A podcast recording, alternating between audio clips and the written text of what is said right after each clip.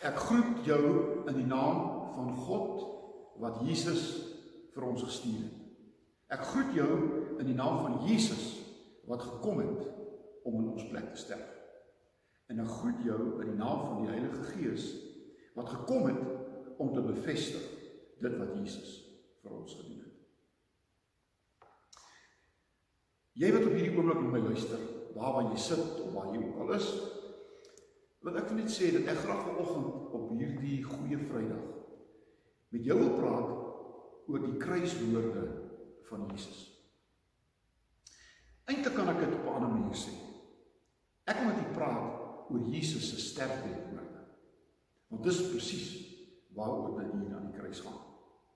En daarom wil ek ook hê dat jy terwyl jy na hierdie preek luister, jouself sal afvra, wat gaan jy eendag as dit jou voorreg is om 'n sterfbed te hê? Wat sal jy in jou sterfbed of jou laaste oomblikke sal jy sê? Ek wil begin met 'n tekswoord. 1 Korintiërs 2 vers 2 waar Paulus gesê het: Ek het my voorgenem om met julle oor niks anders te praat as oor Jesus Christus en hom as die gekruisigde. Dit is so belangrik om te weet dat hierdie woorde vir ons kom sê dat God na jou kyk deur die kruis. En deur die kruis sien hy jou nie meer as 'n sondaar nie, maar as 'n sondaar wie se sondes deur Jesus vergewe is. En daarom is dit so wonderlik dat ons altyd Nuwe Testamenties na die mens sal kyk. Want dit is hoe God nou ons sien deur dit wat Jesus vir ons gedoen het. Daarom wil ek vir julle sê dat God veroordeel ons nie meer. Want ons is vergewe. Ons is nie meer in Adam verlore nie. Maar ons is in Christus gered.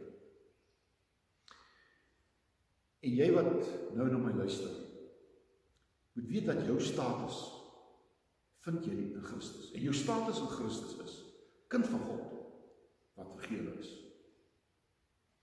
Die kruisiging het 'n einde gebring aan die ou bedeling. Die ou bedeling van wette en van offerandes en van rituele. 'n einde gebring. Want sien, die nuwe bedeling is dat ons nou uit genade gered is. Efesiërs 2 vers 8. En uit genade beteken dat dit nie meer gaan oor wat jy doen om gered te word nie, maar oor dit wat Jesus vir jou gedoen het sodat jy gered kan word. Hierdie sewe kruiswoorde is so belangrik want dwars deur Jesus se lewe het sy woorde groot betekenis gehad. Jesus het niks gesê wat nie ongelooflik betekenis het. Daar is sewe kruiswoorde, maar vanoggend wil ek graag met u net praat oor vyf kruiswoorde. En nie aan die kruis het Jesus sy hart vir ons oopgemaak. Hier aan die kruis het Jesus vir ons werklik kom wys wie God regtig is. 'n God van liefde. 'n God wat omgee. 'n God wat nie wil hê dat ek verlore moet gaan nie. En daarom wil ek graag hê u moet 'n prentjie vir u skets. Die prentjie is dat u nou by die kruis staan. Maar dat u naby die kruis staan. So naby dat jy Jesus se woorde kan hoor. Want onthou, rondom die kruis is daar nou 'n geskreeude geraas. As jy Jesus se woorde hoor, moet jy naby die kruis staan. En ek wil dit amper ook so sê dat in hierdie wêreld is die geraas so groot dat ons nie meer God se stem hoor nie. En miskien is vanoggend die tyd, veral in hierdie tyd waar ons ingeperk is, waar ons alleen is, stil is, miskien gaan die vanoggend die stem van Jesus miskien beter hoor as ooit vantevore.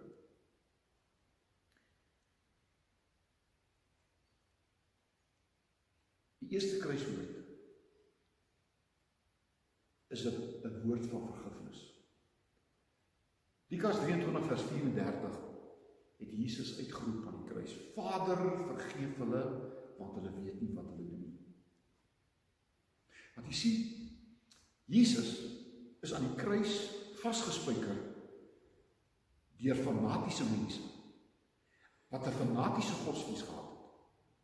En hierdie mense is so opgesweep deur hulle godsdienstbeginsels dat hulle eintlik iets gedoen het wat hulle nooit sou gedoen het. Met ander woorde, eintlik het hulle nie geweet wat hulle doen nie. Want hulle fanatiese godsdienst hulle gedryf tot hierdie daad. En ek wil net vir u sê dat dit so gevaarlik is dat ons in kerke mense sal so opsweep dat hulle nie sal weet wat hulle doen nie. Want elke ding wat jy doen, moet jy weet wat jy doen. Anderster kan so iets ook met jou gebeur. Want in 'n massa waar mense opgesweep word, doen dinge doen mense dinge wat hulle nooit as 'n reël sal doen. Hier aan die kruis vra Jesus vergifnis vir hierdie mense wat goeie mense was heel waarskynlik. Maar mense wat iets gedoen het wat hulle nie weet wat hulle doen. En daarom sê Jesus, vergeef hulle want hulle weet nie wat hulle doen nie. En ek dink dat die meeste van ons die ding ons lewens verkeerd gedoen. Kom ons noem dit sonde. Kom ons noem dit verkeerde besluite. Kom ons noem dit baie keer in 'n oomblik wat ek nie regtig geweet het wat ek doen. Dat ek in 'n oomblik dit gedoen het sonder om te weet wat is die gevolge, die konsekwensies van wat ek doen. Hier aan die kruis moet jy die woorde van Jesus hoor. Jy is vergewe. Wat ek hier doen is om jou te vergewe. En Johannes 1:7, die bloed van Jesus reinig ons van elke sonde. Vers 9 in Johannes 1 vers 9 sê as jy jou sondes bely. Met ander woorde, as jy erken wat jy verkeerd gedoen het, sê die Here sal jou vergewe. Romeine 8 vers 1 sê daar is nou geen veroordeling. Hier op hierdie goeie Vrydag moet u weet dat God na jou kyk as kind van God, as iemand sonder sonde. Nie omdat jy nie sonde gedoen het nie, maar omdat Jesus se bloed jou reinig van elke sonde. En daarom wil ek hê dat jy nou in hierdie oomblik jou sonde by die kruis sal kom neersit. En weet jy wat? Dat jy vir die kruis sal wegstap en nie hierdie sonde weer gaan optel om met jou dit saam te dra nie. Los dit by die kruis. Want Jesus het dit vergewe. Die tweede kruiswoord wat ek met julle wil deel is 'n kruiswoord wat vir ons wil sê ons gaan altyd saam met Jesus wees. Vers 43 Matteus 27 vers 43 sê ek verseker jou vandag sal jy saam met my in die paradys wees. Vandag sal jy saam met my in die paradys wees. Die moeder aan die kruis vra 'n sekonde van Jesus en Jesus gee hom ewigheid. Want jy sien Jesus het beloof in Johannes 6 vers 37 ek sal hom wat na my toe kom nooit uitwerk. En daarom toe hierdie moordenaar uitroep en sê dink aan my toe die Here hom onmiddellik Jesus onmiddellik aangeneem want hy sal niemand wegjaag wat hom toe roep nie. Johannes 4 vers 3 beloof Jesus.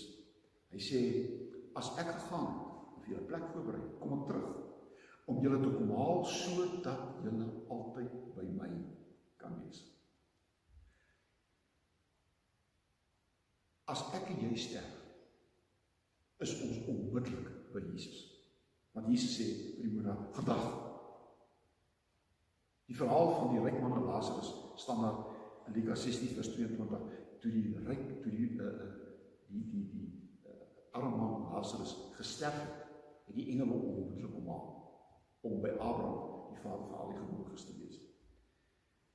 En jy wat hier na my luister moet weet dat op hierdie goeie Vrydag moet jy weet dat ons as gelowiges weet dat as ons sterf is ons onmiddellik by Jesus. Want jy sien, hemel is eintlik waar Jesus.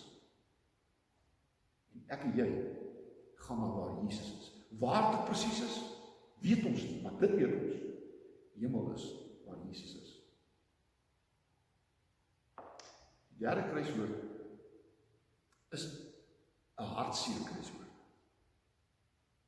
Want Jesus roep in Matteus 27 vers 46: "My God, my God, waarom het U my verlaat?" Dis aardige woorde. Want op hierdie oomblik het al die sonde van die wêreld op Jesus neergekom. En Jesus voel op hierdie oomblik God verlaat. God het hom Jesus voel God verlaat want jy sien sonde laat jou voel dat God jou verlaat. En as plekke in ons lewens waar ons kom waar ons voel dat God ons verlaat het, deur dit wat ons verkeerd gedoen het. Maar Hebreërs 13 vers 5 staan daar: Ek sal julle nooit verlaat. En die wonderlike ding is dat Jesus het gekom vir ons almal. Johannes 3 vers 16 sê so lief het God die wêreld gehad. sien? Jesus het gekom vir almal. Jesus sterf vir almal. Jesus het almal se sondes kom weg. Jesaja 53 vers 5 en 8 staan daar dat hy al ons sonde het hy op hom geneem. Ek en jy moet dit net nie glo of waar. Daar's baie mense wat dit nie aanvaar En daarom leef hulle asof die prys moet betaal is. En daarom is nog elke dag besig om eintlik vir hulle eie sondes te betaal. Terwyl dit reeds gedoen is. En jy wat na my luister moet weet dat as kind van God mag jy nooit een oomblik glo dat God jou verlaat het. En daarom as jy op 'n sterfbed lê, is daar een ding wat jy moet glo. En dis dat my sonde vergewe is. Want as jy dit nie glo nie, word jou sterfbed nie 'n hemel nie, maar hel. En dan kan jy so sterf. Weet jy wat? 'n Mens kan nog probeer om sonder Jesus te lewe. Maar jy kan nie bekostig om sonder Jesus te sterf nie. Want as jy dit doen, gaan jou sterfbed 'n helse oomblik wees waar jy ook jou onskende gaan doen. God het my verlaat. Hier is 'n wonderlike kruiswoord, want hier staan daar Johannes 19 vers 30. Dit is opreg. Die prys betaal. Jou skuld is vereffen. Daarom voordat Jesus sy laaste asem uitgeblaas het, het hy eintlik hier kom sê, ek het klaar gemaak. Ek het my werk voltooi. Ek het gedoen waarvoor ek gestuur is. En ek wil julle een ding ook weet volg. By hierdie nagmaaltafel by hierdie goeie Vrydag dat Jesus het alles gedoen om jou sonde te vergewe. Jy hoef niks meer by te doen. Daarom kerke wat 'n plus het is sogenaamde sektes. Jesus plus. Wat Jesus gedoen het is nie goed genoeg nie. Jy moet nog iets by doen. Jesus het die kruis uitgeroep. Die prys is betaal. Hebreërs 10 vers 12 en 18 sê geen offer is meer nodig nie. Want hy het die finale offer gebring. En daarom kom Jesus in vrede gesterf het. Want hy het sy werk voltooi. Hy klaar gemaak. Daar's niks wat hy nog moes by doen. En daarom wil ek vir jou sê dat om te luister. Ek dink dit is wonderlik as jy op jou sterfbed kom.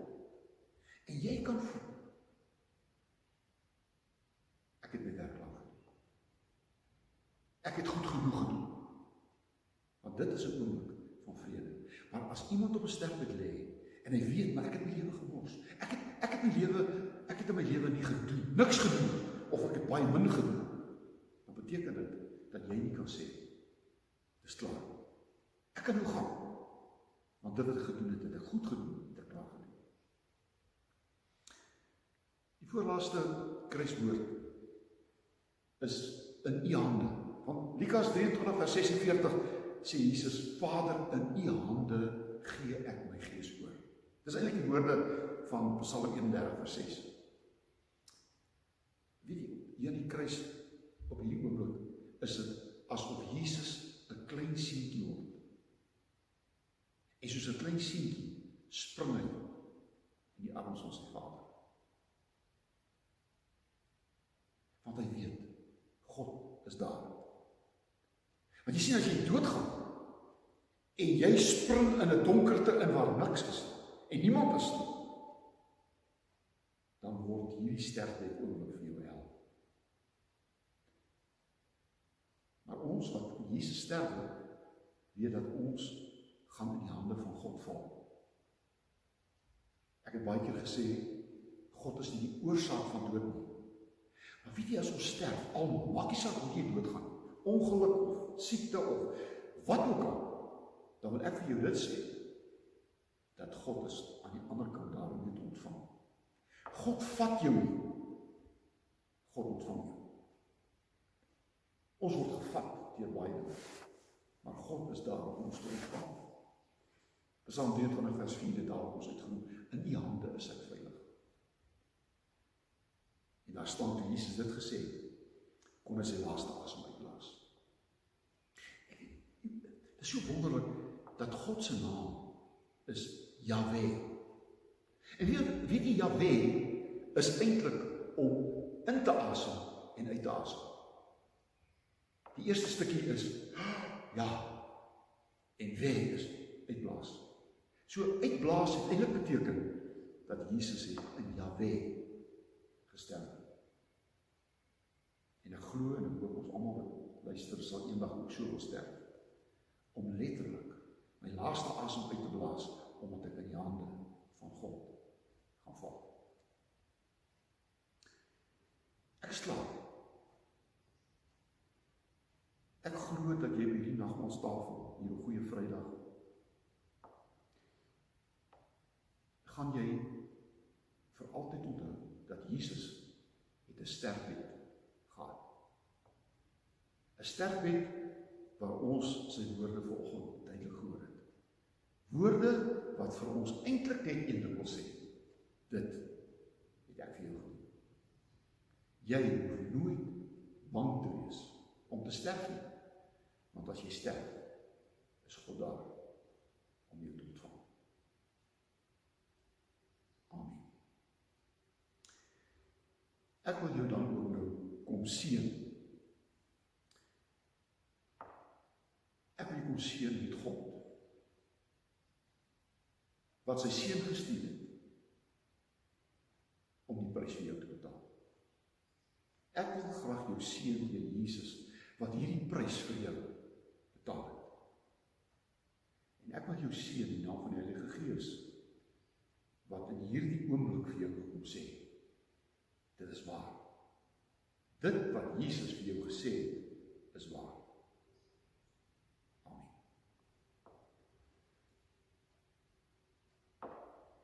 En ons wil graag vir oggend die nagmaal saam met u vier. Ek dink dis die regte plek om dit te doen. Want op die donderdag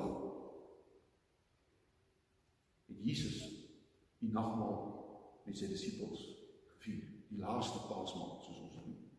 Matteus 26 vers 26 tot 27 sê dit so mooi beskryf dit so mooi vir ons. En ek glo en ek hoop jy sit nou daar by die huis, miskien ook met 'n 'n bekertjie of 'n beker wyn voor jou, brood by jou, sodat ons dit nou kan saam vier. Jy hoef nie in die kerk te wees nie. Jy kan dit daar vier by jou huis, daar saam met jou vrou, daar saam met jou kinders. Ek dink dit is 'n ongelooflike wonderlike oomblik om hierdie nagmaal daar in jou eie huis saam met jou eie mense daar waar jy nou sogenaamd ingeperk is waar jy eintlik toegegrendel is daar kan jy nou nagmaal oefen. Die nagmaal gaan ons so 'n bietjie vrymaak van hierdie inperking. Want ons gaan in hierdie oomblik gaan ons ons gaan ons ons vryheid vier. Die vryheid wat Jesus vir ons gebring het. En hier op die tafel sien jy nou die tekens. Want jy sien die nagmaal is tekens van dit wat Jesus vir ons gedoen het. Die brood kan niks vir jou doen nie. Die wyn kan niks vir jou doen. Maar die brood en die wyn kom sê vir jou iets wat Jesus vir jou gedoen het. Dis nagmaal. Tekens van dit wat Jesus vir jou gedoen het. En daarom wil ek graag hierdie nagmaal kom instel met die woorde van Jesus in Matteus 26 26 tot 27 waar hy die nagmaal ingestel het. En daar staan so mooi dat hy in die eerste plek het hy die brood geneem. En toe hy die brood geneem het, het hy dit gebreek.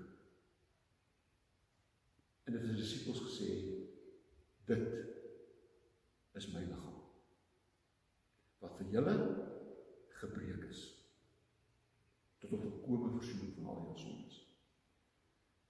En as jy hierdie stukkie brood gaan eet, soos ek dit nou gaan eet, moet jy weet dat Jesus is gebreek sodat jy kan heel word. Want sonde en verkeerde besluite en verkeerde dinge breek jou lewe.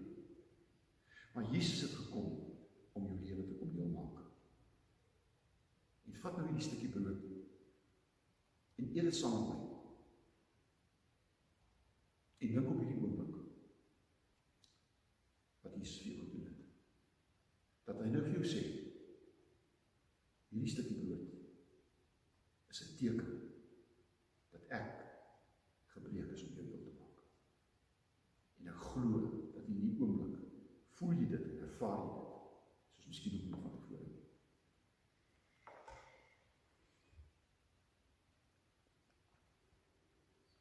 Maar na die brood het Jesus die wyn geneem en hy het met die wyn het hy kom sê hierdie wyn is 'n teken dat my bloed geloop het sodat jy skoon kan skoon kan word van jou sonde. En as jy nou hierdie wyn gaan neem en jy gaan nou drink, onthou dit dat God nou na jou kyk. Nie meer as 'n mens vol sonde maar as 'n mens wat gewas is in die bloed van Jesus. Jesus se bloed het jou kom skoon maak.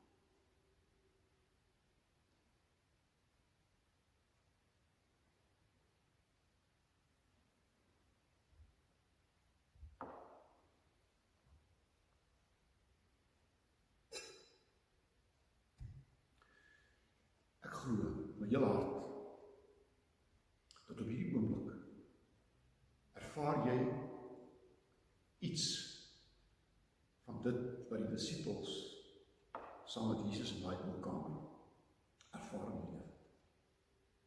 En dat hulle geweet het